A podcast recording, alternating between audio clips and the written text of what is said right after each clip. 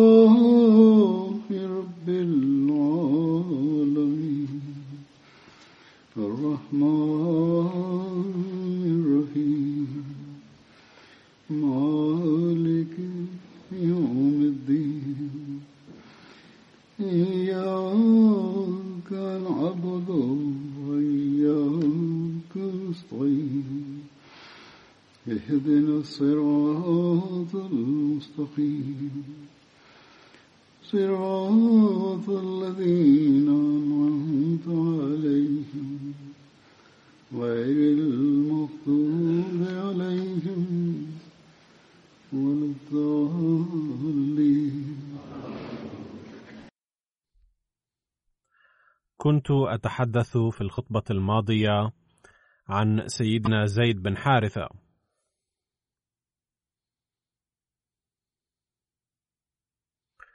وكان الحديث قد تطرق إلى السيدة زينب بنت جحش التي تزوجها النبي صلى الله عليه وسلم فيما بعد.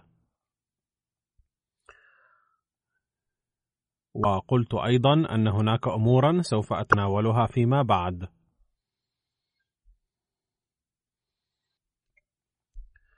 كان عمر السيدة زينب بنت جحش عند زواجها من النبي صلى الله عليه وسلم حوالي 35 عاما وهو سن الكهولة أو السن الكبيرة بحسب ظروف الجزيرة العربية.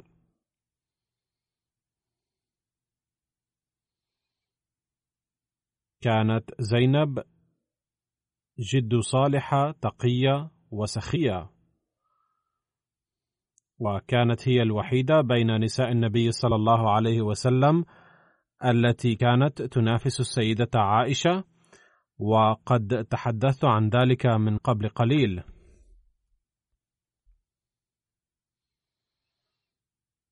ومع ذلك كانت السيدة عائشة تثني على زينب كثيرا. بسبب محاسنها وورعها وتقواها. وكانت كثيرا ما تقول لم أرى امرأة أكثر صلاحا وورعا من زينب.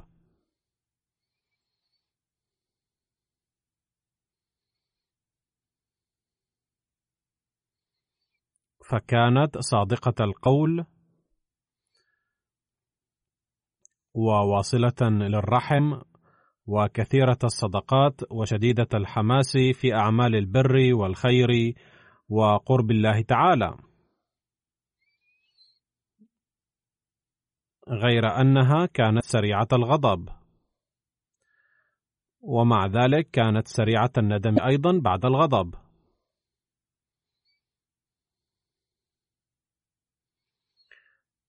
وتروي السيدة عائشة عن سبق زينب في أعمال البر والصدقة وتقول: قال النبي صلى الله عليه وسلم مرة لزوجاته: إن أسرعكن لحاقا بي أي بعد وفاتي أطولكن يدا.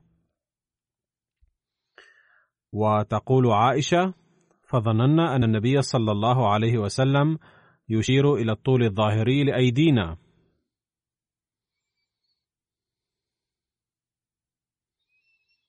لكن توفيت زينب بنت جحش قبلنا بعد وفاة النبي صلى الله عليه وسلم.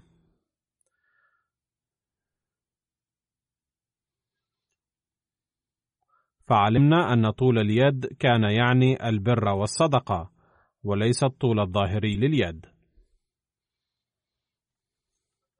وكتب حضرة ميرزا بشير أحمد وكما كان متوقعا فإن المنافقين أثاروا كثيرا من الاعتراضات عند زواج النبي صلى الله عليه وسلم من السيدة زينب. وقالوا علنا طاعنين بأن محمدا صلى الله عليه وسلم قد تزوج من طليقة متبناه وكأنه قد أحل له زوجة ابنه.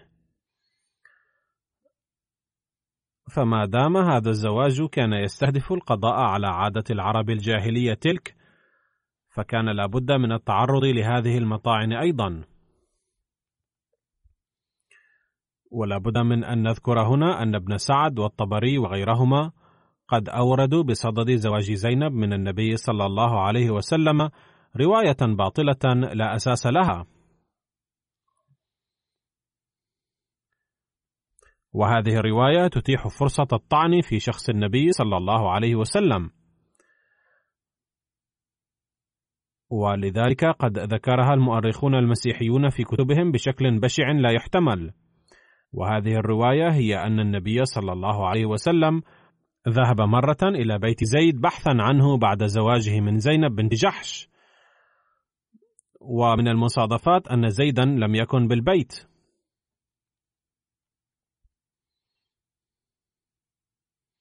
فلما ناداه النبي صلى الله عليه وسلم من خارج الباب قالت زينب من الداخل أنه ليس بالبيت. ولأنها كانت قد عرفت صوت النبي صلى الله عليه وسلم فأسرعت إلى الباب فورا وقالت فدا لك أبي وأمي يا رسول الله تفضل بالداخل. ولكن النبي صلى الله عليه وسلم رفض الدخول ورجع. ويتابع راوي هذه الرواية أن زينب لما قامت مسرعة إلى الباب في عجلة لم يكن الخمار عليها وكان الباب مفتوحا.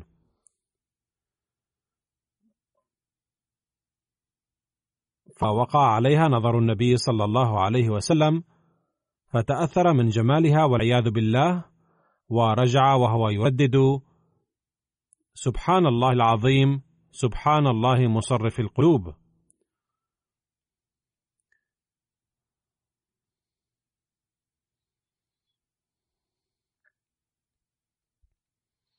ولما رجع زيد بن حارثة إلى البيت حكت له زينب قصة مجيء النبي صلى الله عليه وسلم فسألها زيد فماذا قال النبي صلى الله عليه وسلم؟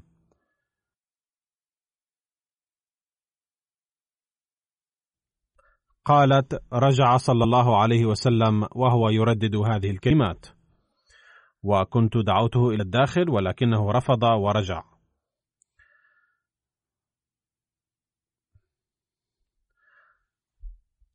فلما سمع زيد ذلك حضر إلى النبي صلى الله عليه وسلم وقال يا رسول الله لعلك قد اعجبتك زينب. ولو شئت طلقتها لكي تتزوجها بعد ذلك. فقال النبي صلى الله عليه وسلم اتق الله ولا تطلقها. ثم يقول الراوي أن زيدا طلق زينب بعد ذلك.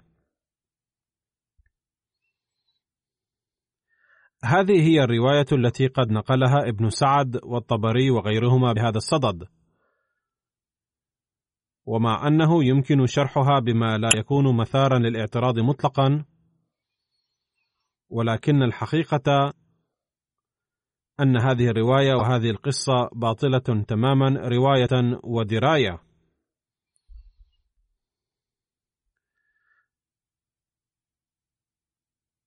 أما رواية فيكفي أن نعلم أن هذه الرواية قد وردت عموما بواسطة الواقدي وعبد الله بن عامر الأسملي وكلاهما ضعفاء الرواة غير الموثوق بهم مطلقا حتى إن الواقدي شهير بكذبه وتلفيقه بحيث لا يوجد له نظير في الكذب والتلفيق بين رواة المسلمين.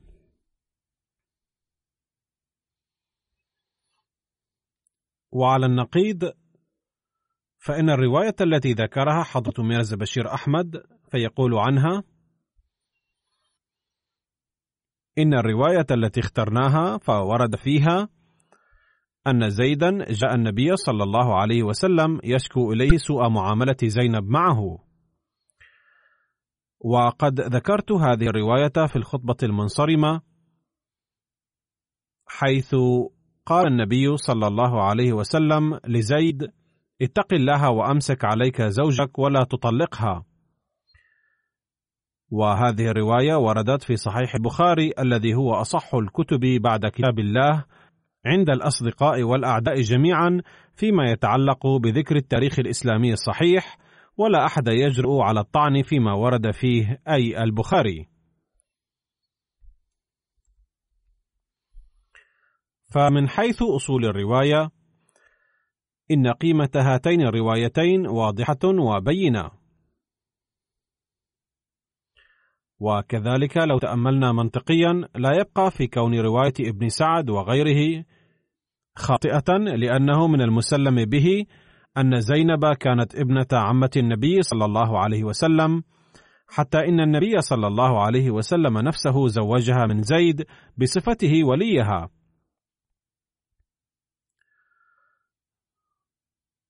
ومن ناحية أخرى لا يمكن الإنكار بأن النساء المسلمات لم تكن تتحجب إلى ذلك الحين، بل نزلت الأوامر الأولى عن الحجاب بعد زواج النبي صلى الله عليه وسلم من زينب. ففي هذه الحالة الظن بأن النبي صلى الله عليه وسلم لم يكن رأى زينب من قبل، ووقع نظره عليها صدفة في ذلك الوقت فشغفها حبا إنما كذب صريح وبديهي البطلان. ولا حقيقة لذلك أكثر من ذلك. لا شك أنه صلى الله عليه وسلم يكون قد رأى زينب من قبل آلاف المرات، وكان يعرف حسنها وقبحها، ولا فرق فيما إذا كان رآها في الخمار أو بدون الخمار، لأنه ما دامت قريبته ولم تكن هناك عادة الحجاب ولا حكمه، وكان يحدث اللقاء كل حين فمن الأغلب أنه صلى الله عليه وسلم يكون قد رآها بغير الخمار أيضا. وقول زينب للنبي صلى الله عليه وسلم بأن يدخل البيت يظهر انها كانت ترتدي بثيابا كافية حتى تمثل أمام النبي صلى الله عليه وسلم.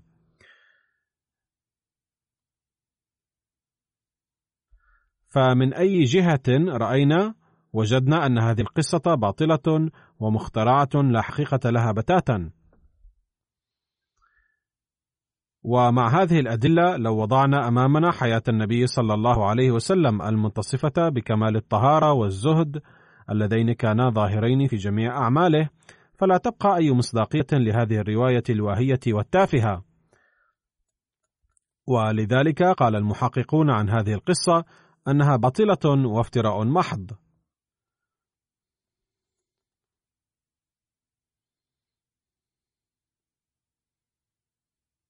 مثلا قال العلامة ابن الحجر في فتح الباري والعلامة ابن كثير في تفسيره والعلامة الزرقاني في شرح المواهب بكل وضوح أن هذه الرواية بطلة ورأوا حتى ذكرها منافي للصدق. وهذا هو حال الباحثين الآخرين. وليس الباحثون فقط بل كل من لم يجعله التعصب أعمى سيفضل على هذه القصة الزائفة البيان الذي كتبه ميرزا بشير أحمد رضي الله عنه وهو مبني على القرآن الكريم والأحاديث الصحيحة. وقد اخترع هذه القصة بعض المنافقين ورووها وسجلها المؤرخون المسلمون في كتبهم بلا تحقيق لأن عملهم كان مقتصرا على جمع كل نوع من الروايات. ثم أخذ منها المؤرخون غير المسلمين وزينوا بها كتبهم بسبب تعصبهم الديني.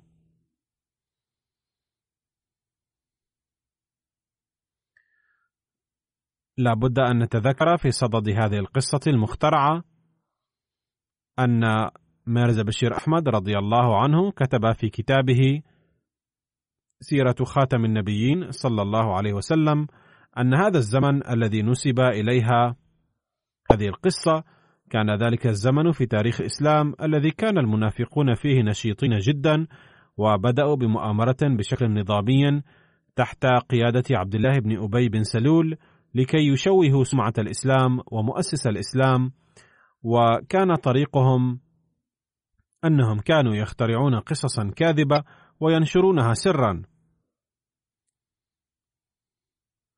أو كان يحدث شيء لا غبار عليه إلا أنهم كانوا يذكرونه بصبغة أخرى مختلفة بإضافة مئات الأنواع من الكذب إليه ثم كانوا ينشرونه خفية. فلأجل ذلك ورد ذكر منافقي المدينة خاصة في سورة الأحزاب مع ذكر زواج زينب من النبي صلى الله عليه وسلم. فلقد أشار الله تعالى إلى مكايدهم الشريرة هذه فقال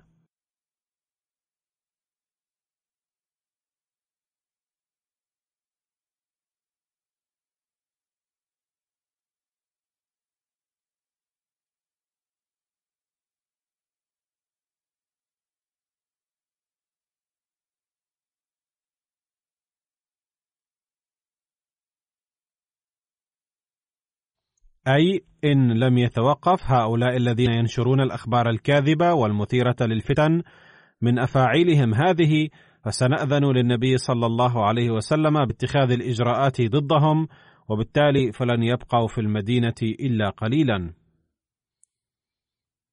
لقد أشير في هذه الآية بشكل صريح إلى بطلان هذه القصة.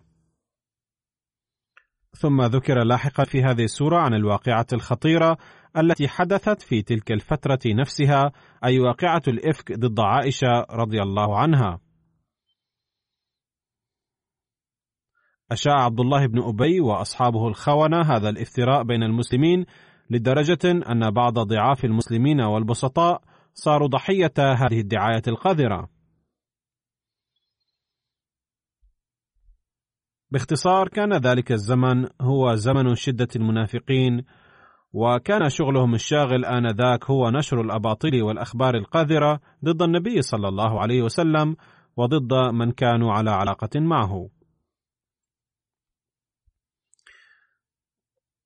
وكانت مثل هذه الأخبار تشاع بحذر شديد بحيث لم تكن تتاح للنبي صلى الله عليه وسلم وصحابته أحيانا فرصة الرد عليهم لعدم علمهم بها بشكل تفصيلي وبالتالي كانت هذه السموم تنتشر بشكل خفي. و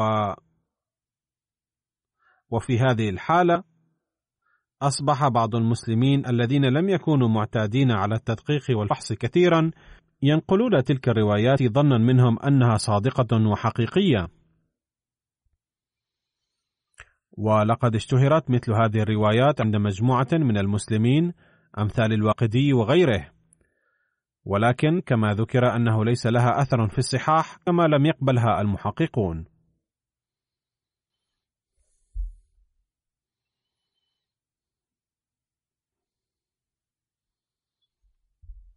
لقد قبل السير ويليام ميور رواية الواقدي الملفقة والباطلة بخصوص قصة زينب بنت جحش مع أنه كان يتوقع منه أن يفكر بشكل أفضل. وإضافة إلى ذلك وجه طعنا شنيعا إلى النبي صلى الله عليه وسلم حيث قال بأنه مع ازدياد عمره ظلت أهواؤه النفسية أيضا تزداد وتتفاقم والعياذ بالله.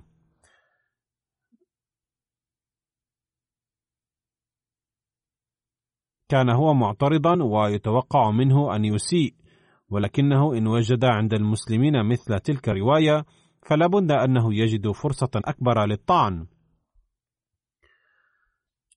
ويعتبر ويليام ميور التوسع والازدياد في عدد زوجات الرسول صلى الله عليه وسلم نابعا عن هذه العاطفة المذكورة نفسها أي أنها كانت ناتجة عن ازدياد أهوائه النفسية والعياذ بالله.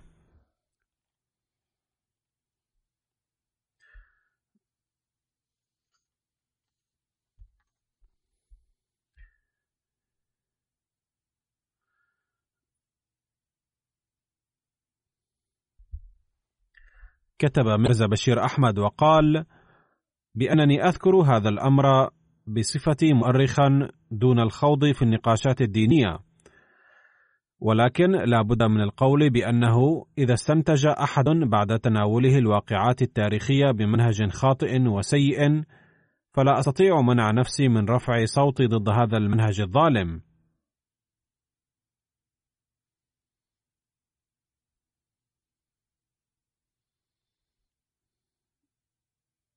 إنه لأمر تافه ترفضه الحقائق العقلية والتاريخية إضافة إلى أنه لا تستسيغه المشاعر الدينية وهو يتنافى مع قدسية النبي صلى الله عليه وسلم التي لا يتردد كل مسلم ومؤمن حقيقي أن يضحي بحياته دونها.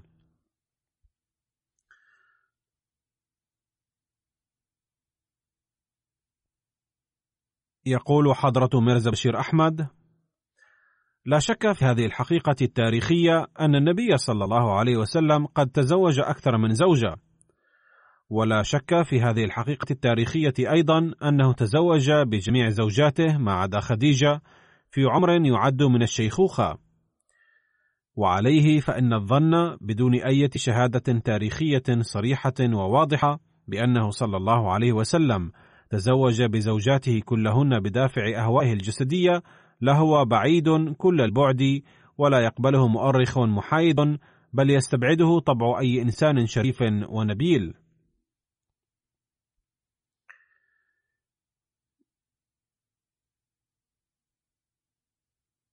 لم يكن خافيا على ويليام ميور أن النبي صلى الله عليه وسلم تزوج في الخامس والعشرين من عمره من أرملة في الأربعين من عمرها وأحسن معاملتها بكل إحسان ووفاء إلى أن بلغ الخمسين من عمره.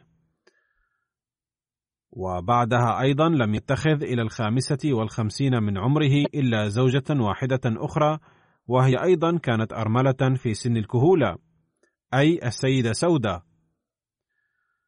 ولم يخطر بباله إلى هذه السن التي تعد سنا تتميز بثورة الجذبات النفسية أن يتزوج زواجا آخر. ولم يكن ويليام ميور جاهلا تلك الواقعة التاريخية حيث انزعج أهل مكة من مساعيه التبليغية واعتبروه صلى الله عليه وسلم مخرب دينهم القومي. فأوفدوا إليه عتبة بن ربيعة والتمسوا من النبي صلى الله عليه وسلم بإلحاح شديد أن يكف عن مساعيه هذه. فطمعوه في الثروة والملك كما عرضوا عليه عرضا آخر وهو أنه إذا أراد أن يتزوج من أحسن نساء العرب فليختر امرأة من نساء العرب ليزوجوه بها على أن لا يقبح دينهم ولا يبشر بدينه الجديد.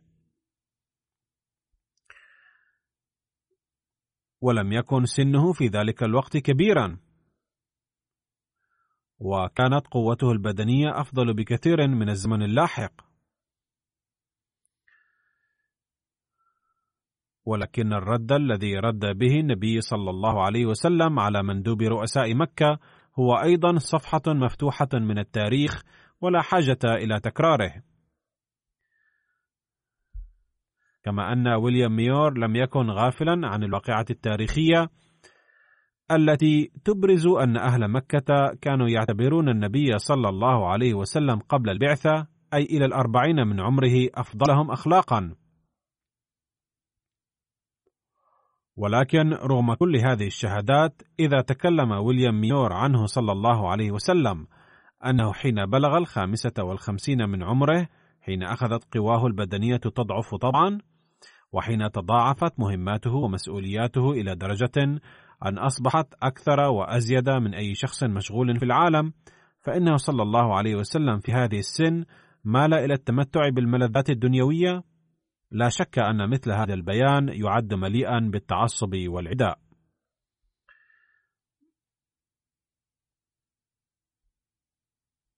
يمكن للمرء أن يقول ما يشاء ولا يسع الناس منع لسانه وقلمه منه. ولكن للعاقل ألا يقول كلاما يرفضه العقل السليم ولا يمكن بحال أن يقبله. لو أزال السيد ميور ومن كان على رأيه غشاوة التعصب من على أعينهم لعلموا أن النبي صلى الله عليه وسلم قد تزوج كل هذه الزيجات في سن الشيخوخة وهذا دليل كاف على أنها لم تكن لإشباع الرغبات النفسية بل كان وراءها أهداف أخرى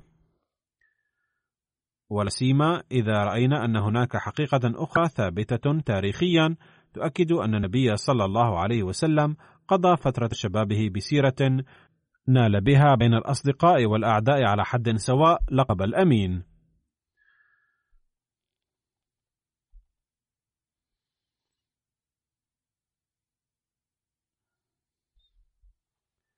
يقول ميرزا بشير أحمد: كل من يقرأ هذه الحقيقة ويعرف التاريخ يقول معبرا عن مشاعره أنه يتمتع بسرور روحاني لما يقرأ أن النبي صلى الله عليه وسلم تزوج كل هذه الزيجات في عمر كان كاهله مثقلا فيه أكثر من أي وقت مضى بمهام النبوة ومسؤولياتها.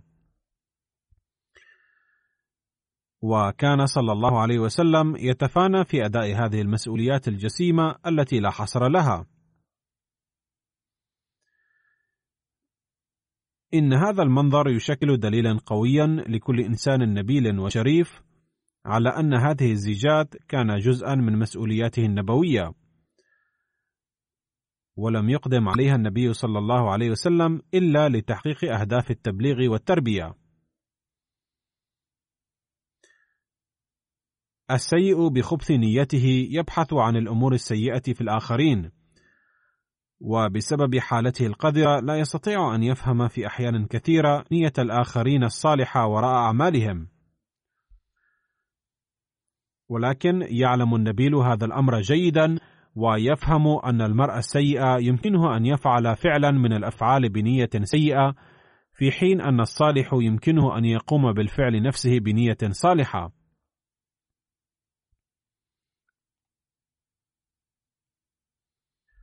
ثم ينبغي أن يكون واضحا أن الإسلام لم يذكر أن الغرض من الزواج اجتماع الرجل والمرأة لإشباع الأهواء النفسية فقط. بل لا شك أنه شرع النكاح لاجتماع المرأة والرجل لبقاء النسل الإنساني ولكن هناك أغراض نبيلة وطاهرة أخرى كامنة فيه. فإن البحث عن أسباب زيجات إنسان كانت كل حركة وسكنة من حياته دليلا على إنكار الذات والطهارة والعفة، ثم إن التفكير في هذا الأمر مثل أقدار الناس والميل إلى الأفكار القذرة والسيئة لن يضر بذلك الإنسان الطاهر شيئا غير أنه يعكس بجلاء ما يستنبطه هذا الرأي. يقول ميرزا بشير أحمد لا أستطيع أن أقول ردا على هذا الاعتراض أكثر من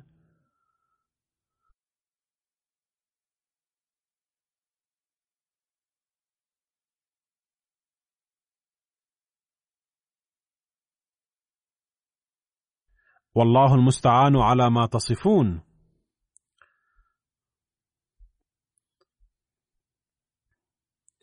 لقد ذكر الخليفة الثاني للمسيح الموعود رضي الله عنه في إحدى خطب النكاح نقطة تتعلق بنكاح النبي صلى الله عليه وسلم من زينب والزواج بها وأقرأها عليكم.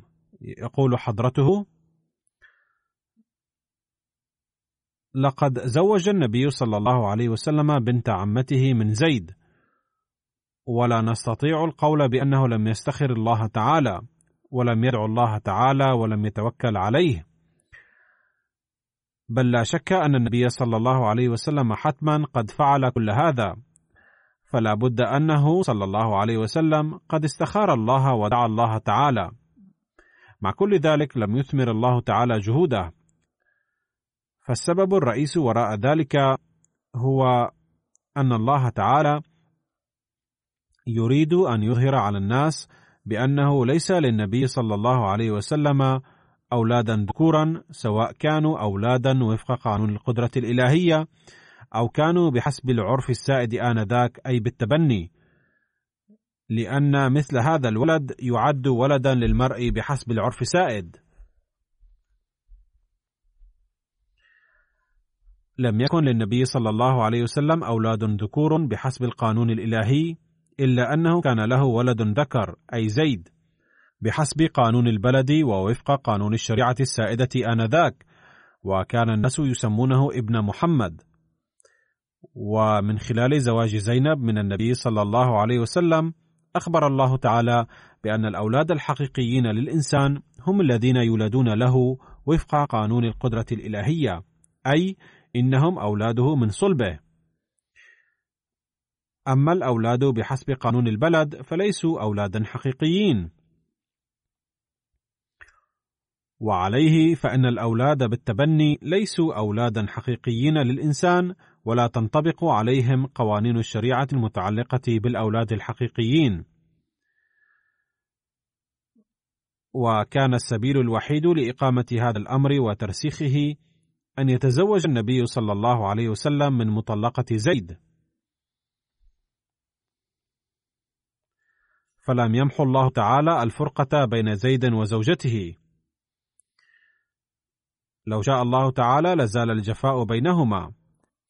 فعلى الرغم من أن النبي صلى الله عليه وسلم قد استخار الله تعالى ولا بد أنه دعا كثيرا وتوكل على الله وبذل سعيا كثيرا مع كل ذلك اقتضت الحكمة الإلهية أن يطلق زيد زوجته ثم يتزوج منها النبي صلى الله عليه وسلم وذلك ليثبت أن الأولاد بحسب قانون البلد ليسوا كأولاد يولدون بحسب القانون الإلهي. كانت هذه أيضا نقطة لطيفة ذكرها الخليفة الثاني من بين الحكم الكامنة وراء هذا الزواج. كتب ميرزا بشير أحمد في كتابه سيرة خاتم النبيين صلى الله عليه وسلم عن تعامل النبي صلى الله عليه وسلم مع العبيد المحررين كما يلي: كان دأب النبي صلى الله عليه وسلم من أجل إصلاح أفكار الناس القديمة الفاسدة أنه كان يهتم أكثر من الناس العاديين بمن كان يتمتع بكفاءة ما من العبيد ومن بعض المحررين منهم. فقد أمر عبده المحرر زيد بن الحارثة وابنه أسامة بن زيد في بعثات كثيرة، وجعل بعض كبار صحابته تحت إمارتهما. فلما طعن في ذلك بعض الناس بناء على أفكارهم القديمة، قال النبي صلى الله عليه وسلم إن تطعنوا في إمارته فقد كنتم تطعنون في إمارة أبيه من قبل وأيم الله إن كان لخليقا للإمارة وإن كان لمن أحب الناس إلي وإن هذا لمن أحب الناس إلي بعده.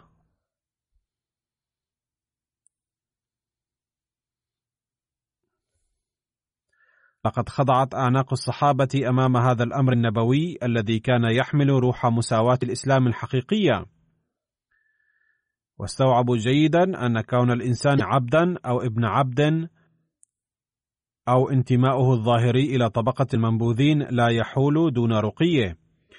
والمحك الحقيقي لاختبار الناس هو التقوى والكفاءة الذاتية.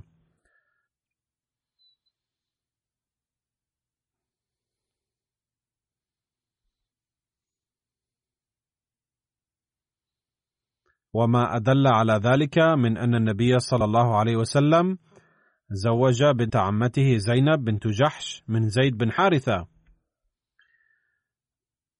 والعجيب أنه لم يرد في القرآن الكريم ذكر اسم أي صحابي سوى زيد بن الحارثة فقط.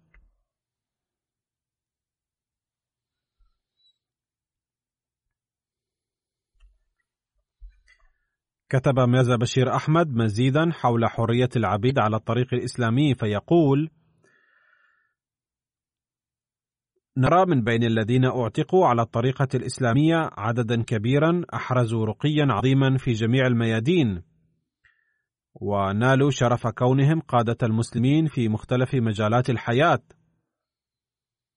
كان زيد بن حارثة من العبيد، وكان من الصحابة الذين أعتقوا إلا أنه أحرز كفاءة عالية في نفسه بحيث أمره النبي صلى الله عليه وسلم في بعض مهماته الإسلامية أي عينه أمير العسكر كله وجعل كبار صحابته تحت إمرته.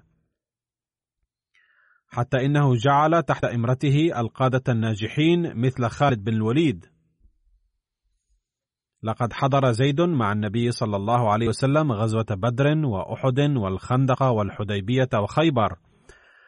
وكان يعد من الرماة المهرة للنبي صلى الله عليه وسلم.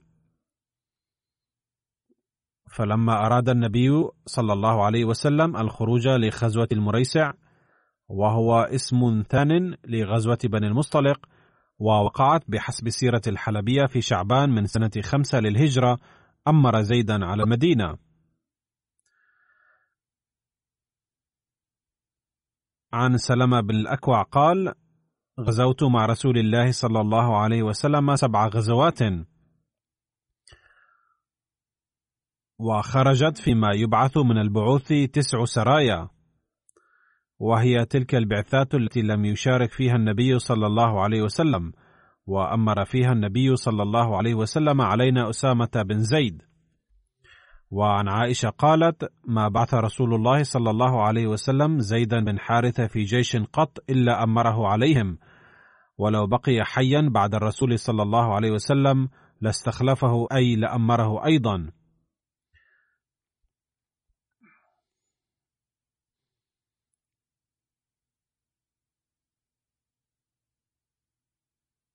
يكتب ميرزا بشير أحمد في كتابه سيرة خاتم النبيين عن غزوة صفوان التي يطلق عليها اسم غزوة بدر الأولى أيضا والتي حدثت في جماد الآخرة عام اثنين للهجرة فيقول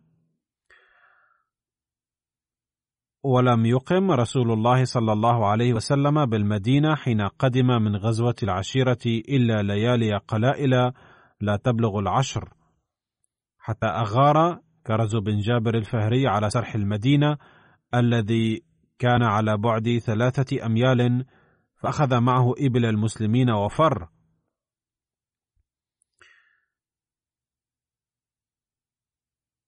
فلما علم النبي صلى الله عليه وسلم خرج في طلبه مع فئة من المهاجرين واستعمل على المدينة زيد بن حارثة.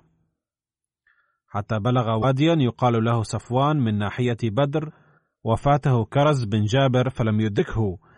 يطلق عليها اسم غزوة بدر الأولى كما تقدم.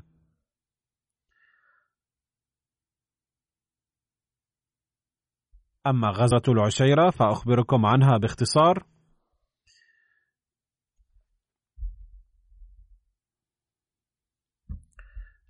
إن النبي صلى الله عليه وسلم لما علم بنوايا قريش الخبيثة خرج من المدينة حتى بلغ عند ساحل البحر مكانا يسمى بالعشيرة.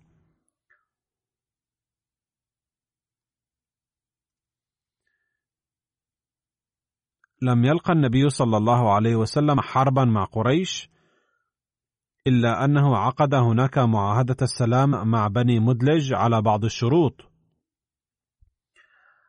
وبعدها عاد إلى المدينة. كان اسم المكان الذي ذهب إليه العشيرة. لأنه صلى الله عليه وسلم كان سمع أن الكفار يجتمعون هناك لتشكيل جيش فرأى النبي صلى الله عليه وسلم أن يقابلهم هناك. ولكن لم يحدث أي قتال إلا أنه عقدت اتفاقية السلام مع إحدى القبائل نتيجة هذا السفر. لأوضح هنا الفرق بين الغزوة والسرية في الأدب الأردي لأن البعض لا يعرفون ذلك. فالغزوة هي المهمة التي اشترك فيها النبي صلى الله عليه وسلم بنفسه. والسرية أو البعثة هي المهمة التي لم يشترك فيها النبي صلى الله عليه وسلم.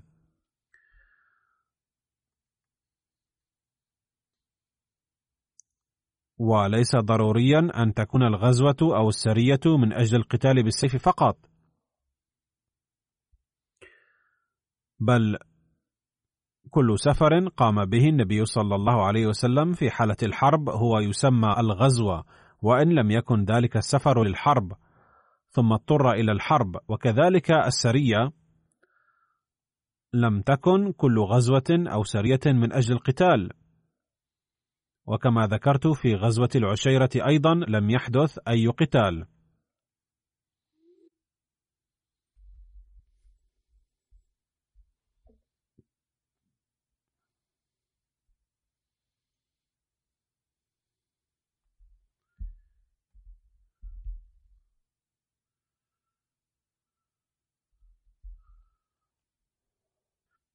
حين انتهت معركة بدر وبدأ النبي صلى الله عليه وسلم سفره إلى المدينة.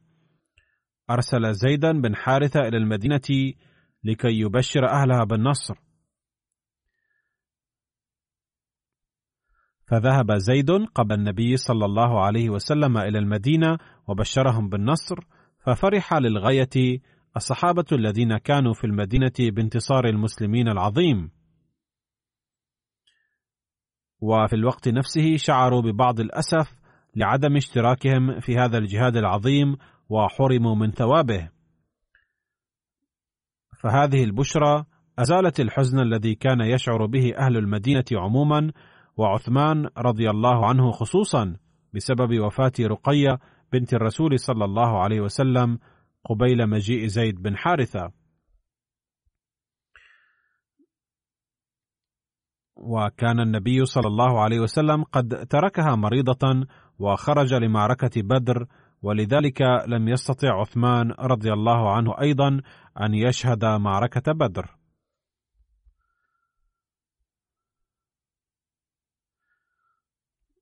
كتب ميرزا بشير أحمد رضي الله عنه عن سرية زيد بن حارثة رضي الله عنه التي بعث فيها إلى موضع القرده في جماد الثاني ثلاثة للهجرة. حين وجد المسلمون نفسا من هجمات بني سليم وبني غطفان اضطروا إلى أن يخرجوا من أجل إزالة خطر آخر. كان أهل قريش يذهبون إلى الشام عن طريق الساحل عموما لتجارتهم الشمالية ولكن الآن تركوا هذا الطريق لأن أهل قبائل هذه المنطقة كانوا قد أصبحوا حلفاء المسلمين ولم يعد لقريش فرصة ليقوموا بأي شر بل كانوا يرون هذا الطريق الساحلي خطيرا عليهم. لذا تركوا هذا الطريق واختاروا الطريق النجدي البالغ إلى العراق الذي كان عليه القبائل الحليفة لقريش وأعداء أشداء للمسلمين.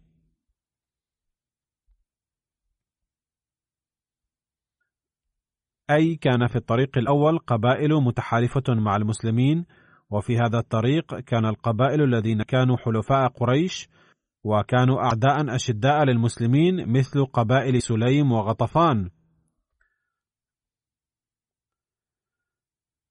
فبلغ النبي صلى الله عليه وسلم في جماد الثاني أن قافلة تجارية لقريش تمر بالطريق النجدي.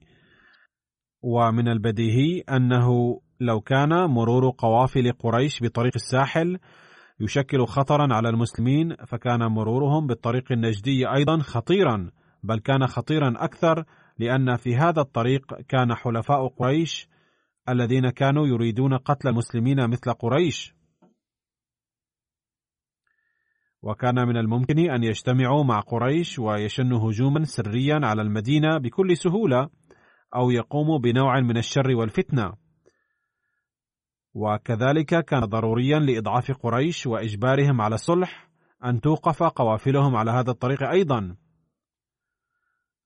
لذا بعد وصول هذا الخبر أرسل النبي صلى الله عليه وسلم فورا كتيبة من صحابته بقيادة زيد بن حارثة.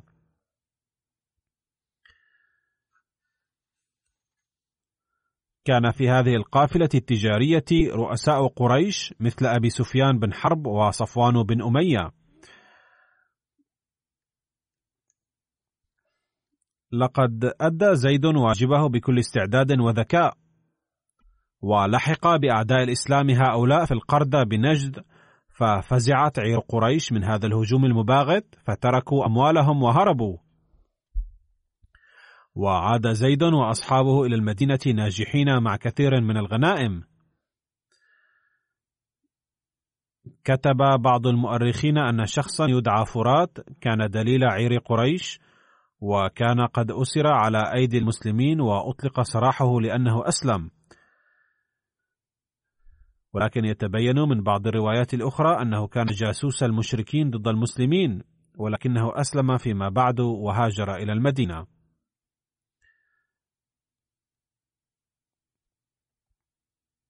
قالت السيدة عائشة رضي الله عنها عاد زيد بن حارثة من سرية وكان النبي صلى الله عليه وسلم في بيتي. فطرق زيد الباب فاستقبله النبي صلى الله عليه وسلم وعانقه وقبله. وبحسب بعض الروايات في شعبان الخامس من الهجرة حين أراد النبي صلى الله عليه وسلم الخروج إلى بني المصطلق ولى زيدا بن حارثة على المدينة. وفي غزوة الخندق كانت راية المهاجرين في يد زيد بن حارثة رضي الله عنه. لعل هذا الذكر يستمر أكثر.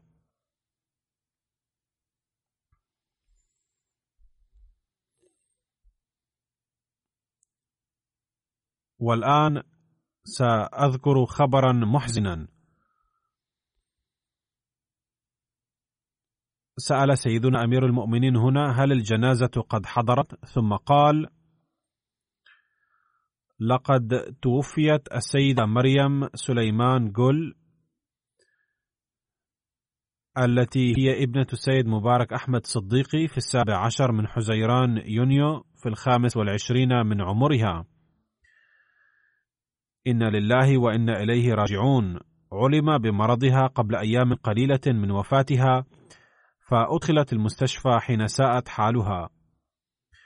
ولكن غلب قدر الله تعالى ولم تشفى.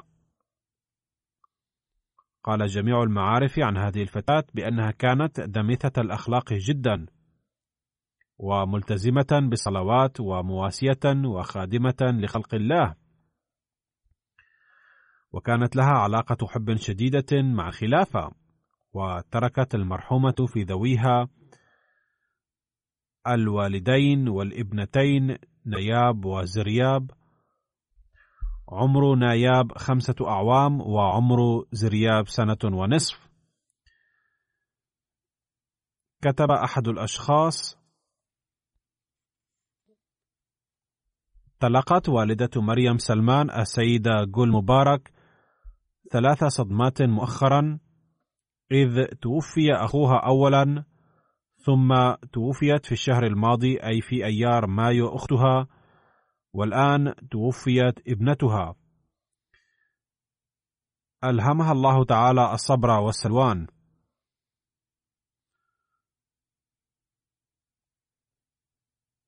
كانت مريم سلمان سكرتيرة المبايعات الجديدات للجماعة في إبسم. كانت حسنة الأخلاق وبشوشة الوجه تساعد الفقراء بالتزام. كتبت رئيسة اللجنة في جماعتها كانت تخدم السيدة مريم سلمان بصفتها سكرتيرة المبايعات الجديدات بشكل جيد ومثالي وكانت تنشئ علاقة الحب والوداد مع الأحمديات الجديدات مما دعا الأحمديات الجديدات إلى الارتباط بنظام الجماعة تلقائيا. قالت مبايعة جديدة تدعى السيدة فريدة نيلسون أتذكر أنني حين ذهبت أول مرة للاجتماع في الجماعة كنت أرى نفسي وحيدة ولكن ما إن رأتني السيدة مريم ظهرت بسمة في وجهها فتقدمت إلي بوجه طلق وعانقتني وجالستني طول الوقت. وبعد ذلك جاءت بهدية شوكولاتة إلى بيتي وأخبرتني ببركات الجماعة والخلافة. كذلك قالت مبايعة جديدة أخرى تدعى السيدة عندليب أرى أنه ينبغي أن تكون كل سكرتيرة للمبايعات الجديدات مثل السيدة مريم. أتذكر أنني حين التقيت بمريم أول مرة لقيتني بحب وحفاوة بحيث شعرت كأنني وجدت أختا محبة وكانت تأتي إلى بيتي بهدايا صغيرة لي ولأولادي. وكانت تتواصل معي دوما عبر الهاتف واللقاءات وكانت تخبر صديقاتها والناس ببركات الخلافة ونظام الجماعة أثناء كلامها. وكانت صديقة مثالية للمبايعات الجديدات وكانت تساعدهن حتى رغبن حضور برامج الجماعة. وبسبب تربيتها أصبحت ابنتي سكرتيرة عامة لإماء الله في الجماعة المحلية. وكانت المرحومة توفر من مصروف جيبها وتخدم خلق الله تعالى. كتب والد المرحومة السيد مبارك صديقي: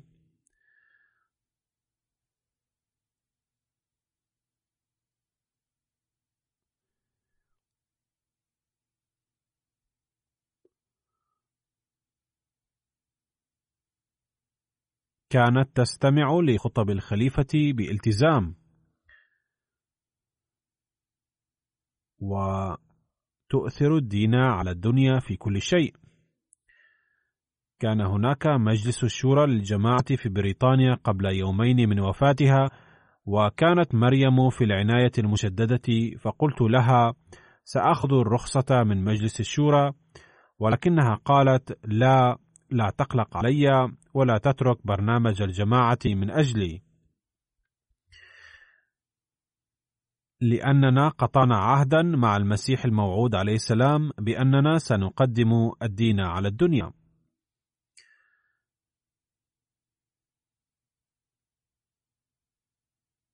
كانت المرحومة تكتب أناشيد باللغة الإنجليزية وملخص إحدى أناشيدها حين تقومون بأي عمل حسن تواجهون مشاكل كثيرة. ولعل الناس يشكون في إخلاصكم. فدعوا الناس يعملون عملهم واستمروا أنتم في عملكم الحسن.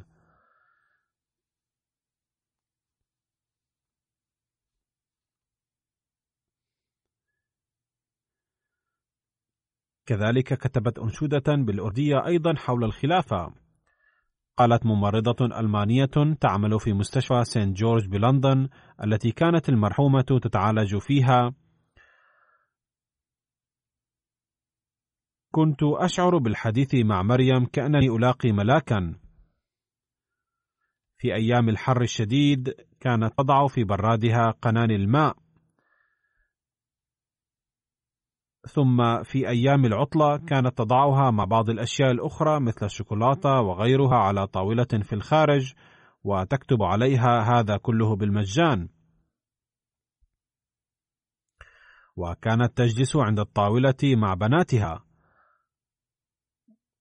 وكان كثير من الإنجليز يتوقفون عندها ويأخذون منها ما يريدون.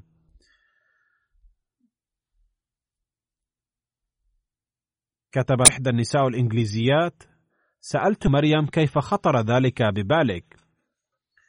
فقالت هناك عطلة أسبوعية في المدارس فالطاولة نهاية كل أسبوع من أجل إدخال المسرة على قلوب الأولاد. فقالت هذه الإنجليزية أذهب بأولادي إلى أماكن بعيدة ببذل آلاف الجنيهات من أجل الراحة والمتعة ولكنني لا أجد الطمأنينة والسعادة ولم أكن أعلم بأن الإنسان يستطيع أن يحصل على السعادة الحقيقية بهذه الطريقة جالسا في بيته أيضا من خلال خدمة الناس. كانت المرحومة تتسابق دوما في تحية السلام وإذا لم تتحدث مع بعض المعارف أو جارات الحارة كانت ترسل إليهم رسائل وتسألهم عن حالهم. وكانت من مزاياها أنها تتحدث مع الناس في الأمور الجيدة دوما. وكانت تشجع الأمور الجيدة وكانت تبتسم كل حين وتتوكل على الله جدا وتشكره على نعمه رحمها الله تعالى وغفر لها.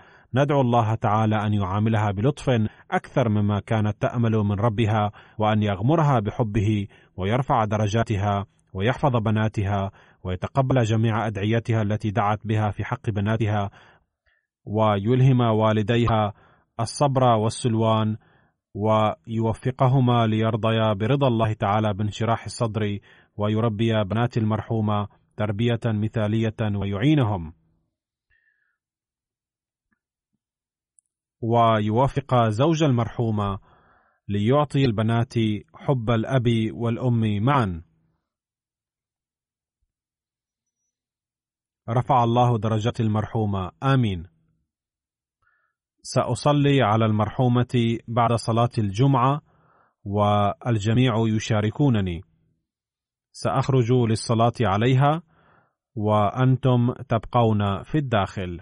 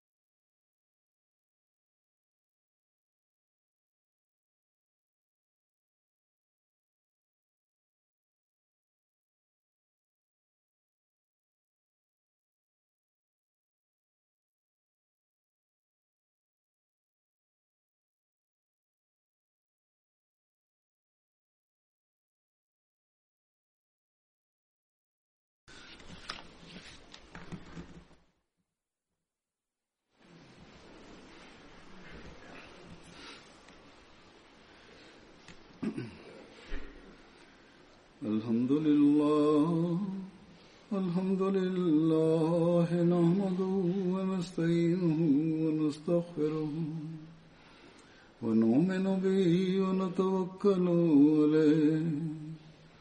ونعوذ بالله من شرور أنفسنا ومن سيئات أعمالنا. من يهده الله فلا مضل له ومن يضلل فلا هادي له. ونشهد أن لا إله إلا الله ونشهد أن محمدا عبده ورسوله.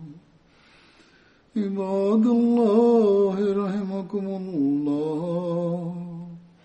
إن الله يأمر بالعدل واللسان وإيتاء ذي القربى وينهى عن الفحشاء والمنكر والبغي يعظكم لعلكم تذكرون اذكروا الله يذكركم وادعوه يستجب لكم ولذكر الله أكبر